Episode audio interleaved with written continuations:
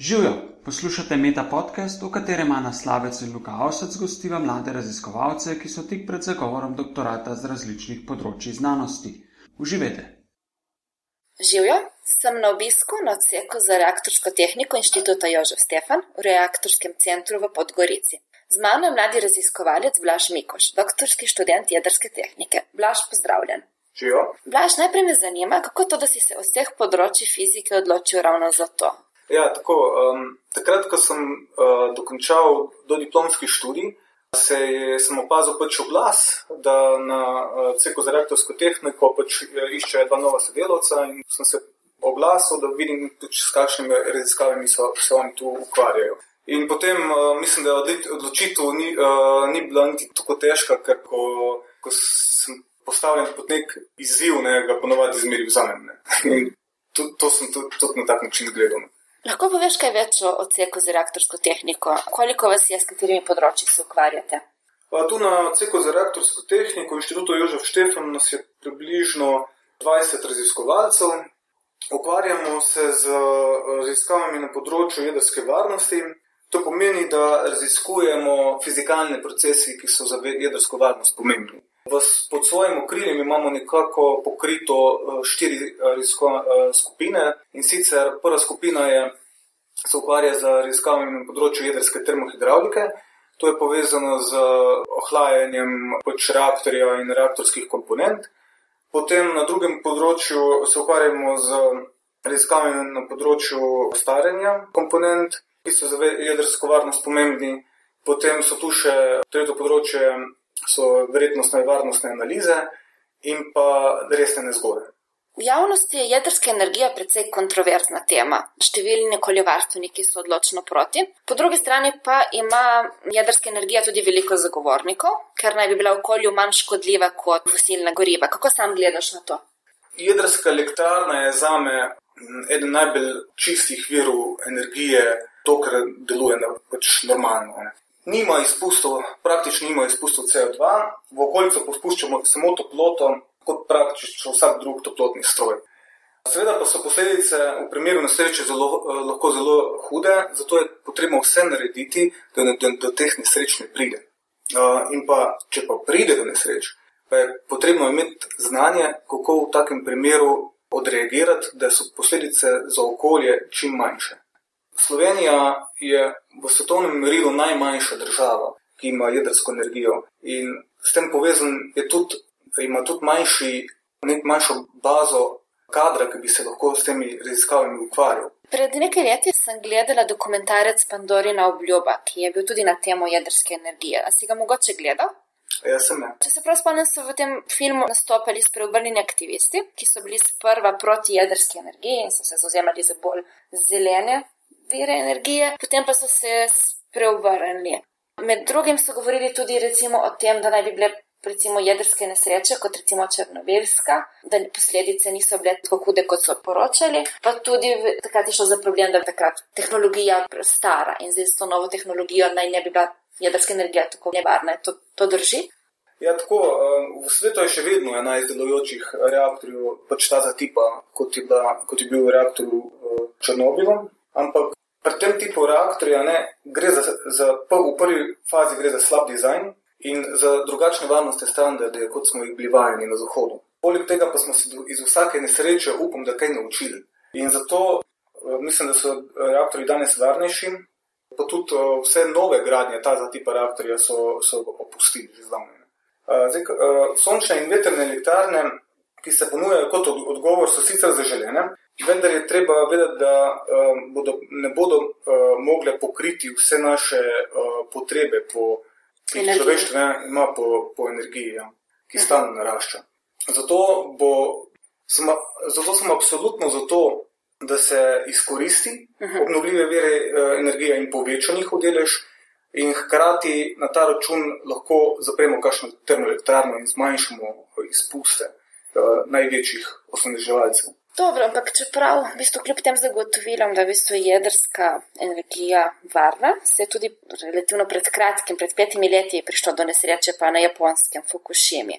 Zakaj je šlo pri tej nesreči? Zakaj kljub novejši tehnologiji je vseeno prišlo do te jedrske katastrofe. Ja, zdaj, v Fukushimi je bil uh, osnovni vzrok za to nesrečo bil uh, zelo močan potres, 9 stopnje, ki je uh, sprožil premik tektonskih plošč, ta pa je povzročil visok tsunami, ki je, ki je udaril ob japonsko obalo z valom velikosti do 15 metrov. In zdaj, če si to predstavljaš, ne, jedrske elektrarne so bile takrat že ugasnjene.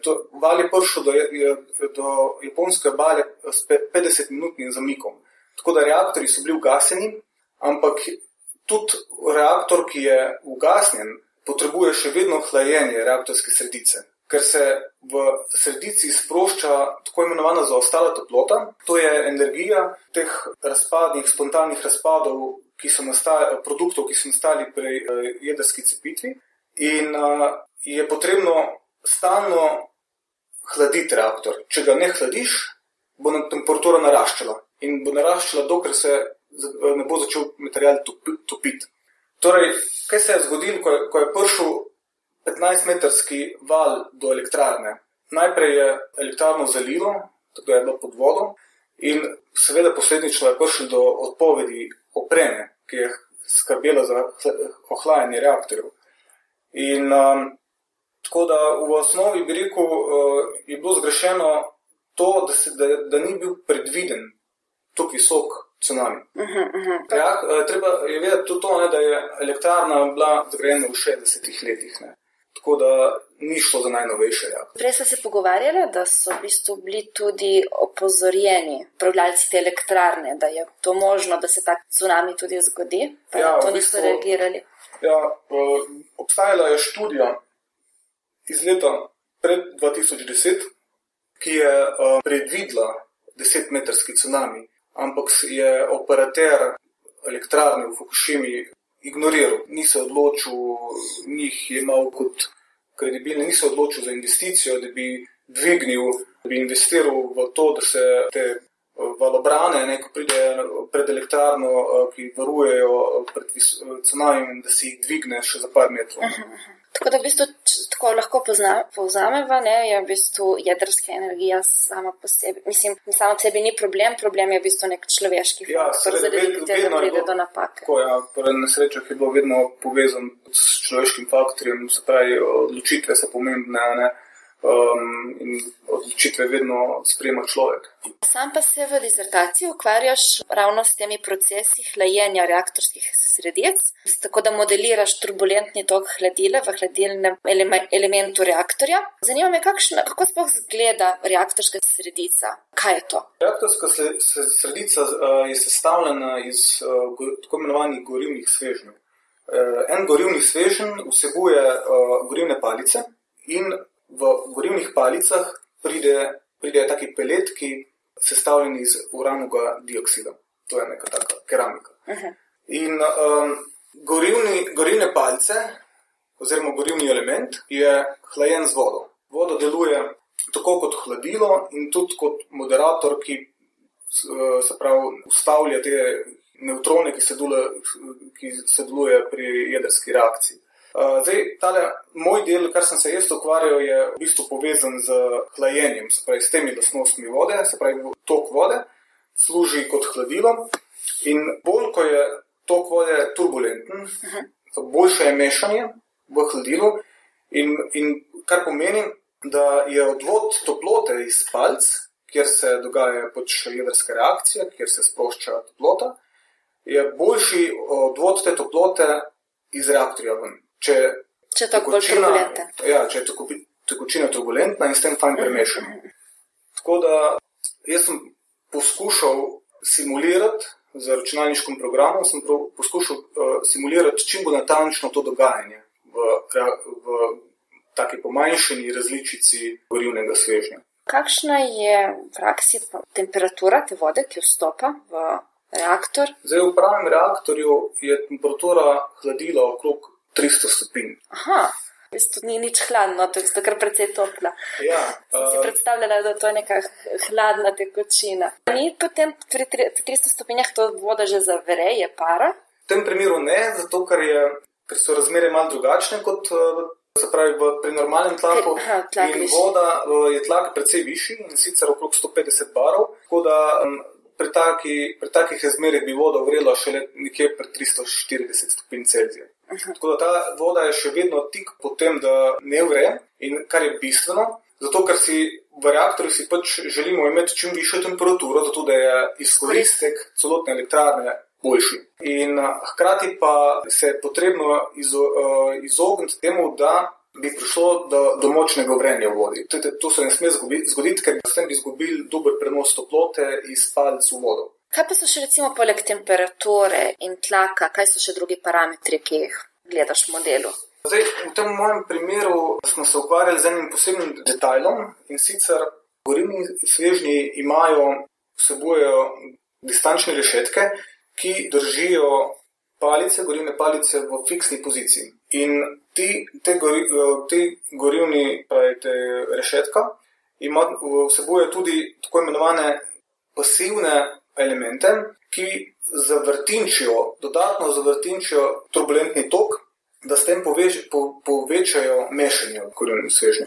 In zdaj um, ta dizajn, ne, kako je to narejeno, ne, je nekaj, kar se stalno proba optimizirati. Mhm. Tako da to je zelo pomembno z vidika tako optimizacije, da je uh, prenos toplote v gorivnem svežnju boljši in s tem tudi hkrati v celi elektrarni. Hkrati pa tudi pri, prispevek k varnosti, ker bo, uh, če je mešanje in odvod toplote iz uh, sredice uh, oziroma iz gorivnih palic v vodo, v hladilo boljši, pomeni, da nimamo, se, izo, se izognemo tudi eh, kakšnim povečanim temperaturam v določenih lokalnih točkah, ki bi lahko povzročile recimo eh, tudi eh, odpovedi kakšnega materijala. Tako da vidika sta dva, se pravi in ekonomski in varnostni. Ampak te simulacije verjetno tudi deloma preverjaš z nekimi empiričnimi podatki.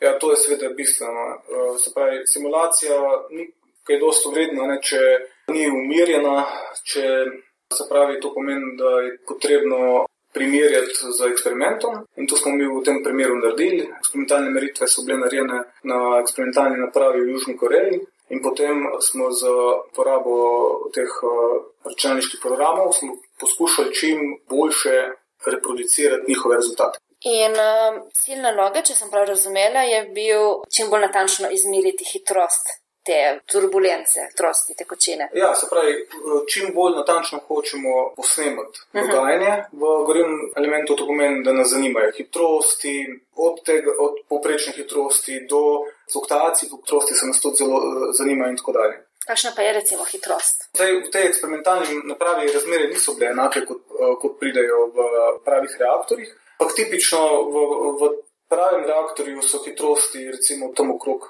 od tam okrog 5 do 10 metrov na sekundo. In uh, kaj so bile potem glavne ugotovitve te tvoje dizertacije?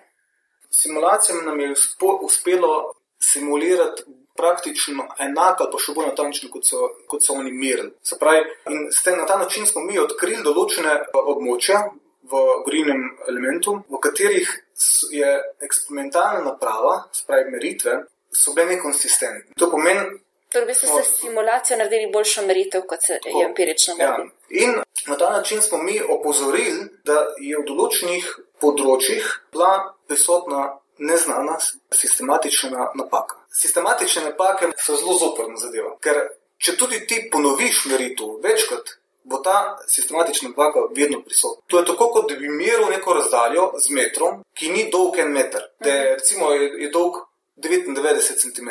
In vsakeč, ko boš šel s tem metrom meriti, boš pomeril isto, ampak narobe. Ja, z- poznan primer, Ja. ja. po, poznan problem v statistiki. tako. No, in zdaj Stranskost. Oni so, kljub temu, da so imeli najboljše pač, metodo merilno, ne, trenutno eh, dostopno in so s to metodo merili, so zelo verjetno niso vedeli, da, da je v teh področjih prisotna ta napaka. In zdaj mi smo z drugim načinom, ki je bil za uporabo računalniških eh, programov, smo eh, nekako opozorili in smo zelo, bi rekel, prepričani, ne, da, je, da je naša meritev natančnejša kot je njihova. To je bil ena stvar, druga stvar je pa, da nam je tudi uspelo napovedati eh, fluktuacije hitrosti, nam je uspelo na- napovedati z bolj enostavnim mo- modelom uh, enako natančno, kot je uspelo to drugim, bi rekel, najboljšim raziskovalnim skupinam, ki so to že prej zelo natančno napovedali, ampak so imeli bolj komplicirane pristope. Tako da nam je v fiziki ponovadi tako, ne, da če ti nekaj uspe enako dobro napovedati. Z bolj enostavnim modelom je pač tvoj, tvoj pristop boljši. Kakšni pa so recimo še izzivi za prihodnost? Zdaj, ja, izziv za prihodnost je veliko. Ne? Tukaj se pravi, gre, lahko se, se gre za eh, izboljšati, če govorimo splošno, izboljšati eksperimentalne meritve, lahko se še vedno je prostor, da se tudi numerične te računalniške programe se stalno izboljšuje, korak za korakom. Potem gre za to, da se, da se, da se išče, stalno se išče čim bolj enostavne te modele, ki jih uporabljamo, ne, ki so hkrati tudi natančni. Ne. Da, to je ena stvar, druga stvar je pa mogoče pa tudi, da razširimo ne, naše pristope, da lahko lovijo tudi kakšne bolj komplicirane dogajanja, ki, se, ki so prisotni v reaktorju in sicer recimo na določenih območjih ne, lahko pride do tako imenovanega podkritičnega vrenja, ne, ampak v, s temi našimi simulacijami tega ne ujamemo. To pomeni, da se lahko dogajajo neki majhni mehurčki, kjer se voda uparja. In to je en nov proces, ki se pač trudijo eh, ljudje, ki uporabljajo računalniške simulacije, da to čim bolje ujamejo, čim bolje modelirajo to, to dogajanje. Da, potem pa tudi na drugi strani, ne, stalno se izboljšuje materijale, ne, eh, študira se, študira se, kakšen je vpliv teh turbulentnih tokov. Ne, na samo pravi, te palce in gorivne rešetke in tako naprej, kako, je, kako lahko, lahko pride do, do tega, da za turbulentni tok vzbudi gorivni svežen, da začne, da začne palce vibrirati ne, in s tem se, se so povezani utrujanje materijalov. Tako da se gradi stalno bolj in bolj zapletene računalniške simulacije, ki bi skušale uloviti čim več natančno videti čim več tega pomembnega dogajanja, ne, ki se dogaja v sredici, recimo, reaktorja. Dobro, torej izzivov za prihodnost je še precej. Preden greva na ta zadnji sklop vprašanj, bi te vprašala še, poleg tega, da se ukvarjaš z jedrsko tehniko, si v prostem času tudi ljubiteljski astronom. Deluješ v okviru observatorija na Črnem vrhu nad Idrijo in lani septembra si odkril nov asteroid. Kako je prišlo do tega odkritja? Uh, ja, to odkritje je bilo, bi rekel, nek plot uh, takih zelo sistematičnih, sistematičnega dela in opozovanja. Uh, tako da pač tokrat sem imel srečo, da sem, bil, da sem ob pravem času uh, snemal prav del, ne, del neba, ampak zasluga za to gre praktično celotni ekipi, ne, ker, ker delujemo kot tim ne, in uh, se pravi, probamo, probamo vsako jasno noč izkoristiti to, da pač se pozuje. To včasih je tudi enostavno, ker treba poskrbeti, da je um, prema delujoča vedno in da pač ko uporabiš, pozuješ, hkrati pa tudi nekako tako razdeljeno vse skupaj, da, da je vsak enako obremenjen. Spravi, imamo razdeljeno in dneve v tednu, neko vsako pozuje, in da je delo čim manj, zmeri se, se proba zadevo čim bolj avtomatizirati, tako da imaš čim manj dela s tem, in da je bolj operater ima res minimalno dela. Ampak to je plot vsega tega preteklih let, vsega tega dela, ki so ga pozvalci pred mano že vložili v to. Jaz sem bil, bom rekel, samo ob, ob pravem času na pravem mestu. Poslušala sem intervju s tabo na Radio Ognišče, ki je bil v bistvu na temo tega odkritja in ga bom tudi priložila temu pogovoru, tako da pač tisti poslušalci, ki jih bolj zanima astronomija, si lahko tam poslušajo in izvejo več o tem. Mogoče samo ena zanimivost iz tega pogovora. Če sem prav razumela, naj bi ta asteroid, ki si ga opazil, naj bi imel neko posebno gibanje okrog orbite Zemlje, naj bi postal neka druga luna čez čas. A sem prav razumela? Uh, ja, um zelo, eh, to orbita tega asteroida je res nekaj posebnega. Takih, eh, čeprav je asteroidov v, v okolici, rekel, v našem Sončju zelo velik ne, in se šteje v milijonih, ne, je z, samo enih devet takih asteroidov kot je ta in sicer je v tako imenovani koorbitalni resonanci Zemljo, kar pomeni, da je praktično rab eh, enak čas, da, da gre okrog, da naredi pot okrog Sonca, isti čas kot Zemlja. Ne.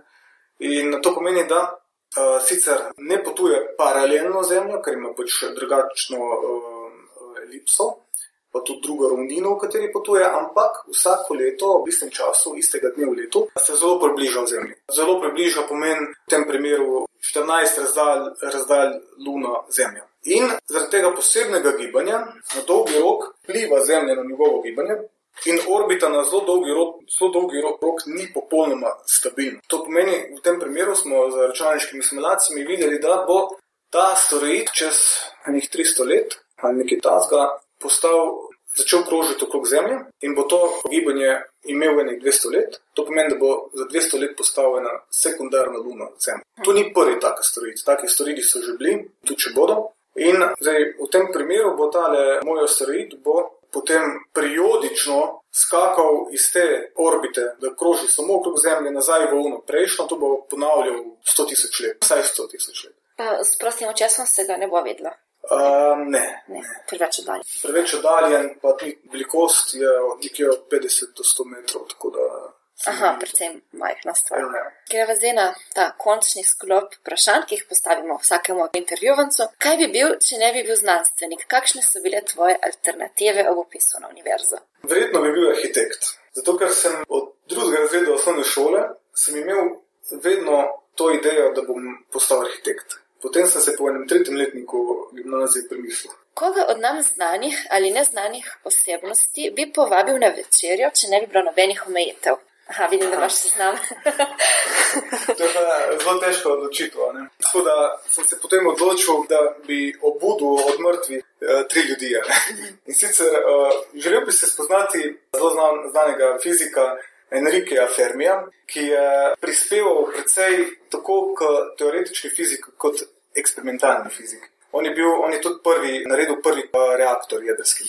Potem drugi bi bil Andrej Nikolajevič Kolmogorov, matematik, ruski matematik, ki je pustil svoj pečat tudi v teoriji turbulence. Pa tudi statistik, mislim, da je bil. Tudi, ja, on je bil predvsem statistike. Potem v tretjo osebo bi pa sem si poželel, da bi bil nekdo iz uh, enega drugega časa, še bolj nazaj in sicer iz antike. Potem sem razmišljal, uh, katerega katerega tega misleca iz antike bi obudil ali pa izumitelja in sem se odločil, da bi to bil, bila najverjetneje Hipatija iz Aleksandrije. Ker je ona znana? Hipatija je bila matematičarka filozofinja, ampak to je takrat pomenilo, da ste se ukvarjali tako z fizikalnimi problemi, astronomskimi problemi in je imela eno ogromno znanje, ki se je najverjetneje marsikaj od tega tudi zgubilo. Ne ko je pač knjižnica pogorela v Aleksandriji. In ona bi bila zanimiva predvsem zato, ker eh, je bil način razmišljanja v tistem času precej drugačno in je zelo eh,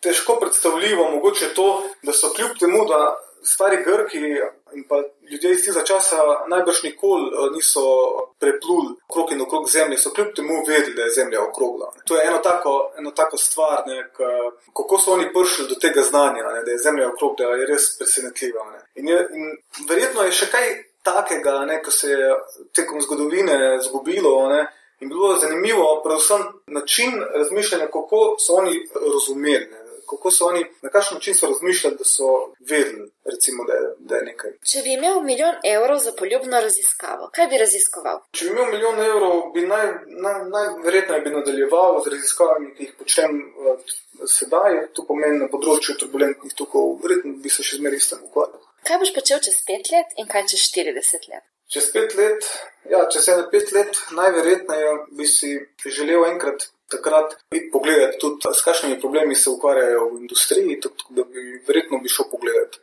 A to Slovenije? Ja, ne, v bistvu je čisto odprto, kjerkoli, tako da mal vidim, kako tam poteka zadeva in kakšni so izzivi. Kaj pa čez 40? Čez 40 let bi pa verjetno bil že v pokoju, v penziji, upam. tako da bi imel uh, več časa tudi za druge svoje hobije ki so pač trenutno na stranskem telu. Imaš kakšno priporočilo za knjigo, igro, film, spletno stran, podcast? Mogoče dva dokumentarca in sicer prvi gre za BBC dokumentarci iz leta 2008, Cooking in the Danger Zone Černobil. Ta drugi pa iz prejšnjega leta in sicer Twisting the Dragon's Tale. Oba bosta verjetno zanimiva za, za tiste poslušalce, ko jih zanima jedrsko stroko. S čim se zamotiš in kakšne izgovore si izmišljuješ, ko zavlačuješ ali odlašaš pri stvareh, ki jih moraš narediti? S čim se zamotim? Ja, to je tako hiter, ker uh, sem tak uh, človek, da me zelo hiter uh, marsikaj potegne noter. Je bil vprašaj, na kakšen način se potem odmotam. To pa včasih si celo zablokiram določene spletne strani, kadar pač nimam časa, da bi se s tem ukvarjal, si sam sebi si zablokiram. Dobro, kaj bi te pa lahko v tem trenutku izboljšalo kakovost življenja? A v tem trenutku bi verjetno bilo to um, rešitev svoje stanovanske problematike. Aha, zelo pogosto odgovor. Ja. Blaž, najlepša hvala za pogovor. Hvala vam. Pred odjavno špico pa še novica. Društvo mladih raziskovalcev Slovenije ta mesec organizira drugo pivo, pogovorni večer doktorskih študentov. Dobimo se v sredo 20. aprila ob 18.30 v kavarni tiskarna za Bežigradom. Tudi tokrat vas čaka pijača dobrodošlice. Za več informacij spremljajte spletno stran dmrs.eu ali pa Facebook stran društva, kjer bomo kmalo objavili govorce. Se vidimo! Poslušali ste Meta podcast, ki ga pripravljava Ana Slavec in Luka Avsec. Pogovarjava se z doktorskimi študenti in študentkami pred zaključkom doktorata z različnih področji znanosti. Meta podcast domuje na spletišču metina.si, v drugi sezoni pa sodelujemo tudi z Društvom mladih raziskovalcev Slovenije. Pohvale, pripombe, pa tudi predloge za bodoče goste nam lahko posredujete na znanost afnametina.si, lahko nas poiščete na Facebook profilu Metine liste ali pa na Twitterju, kjer čivkava kot at aslavec in at inlife. Naslednja epizoda v četrtek čez 14 dni.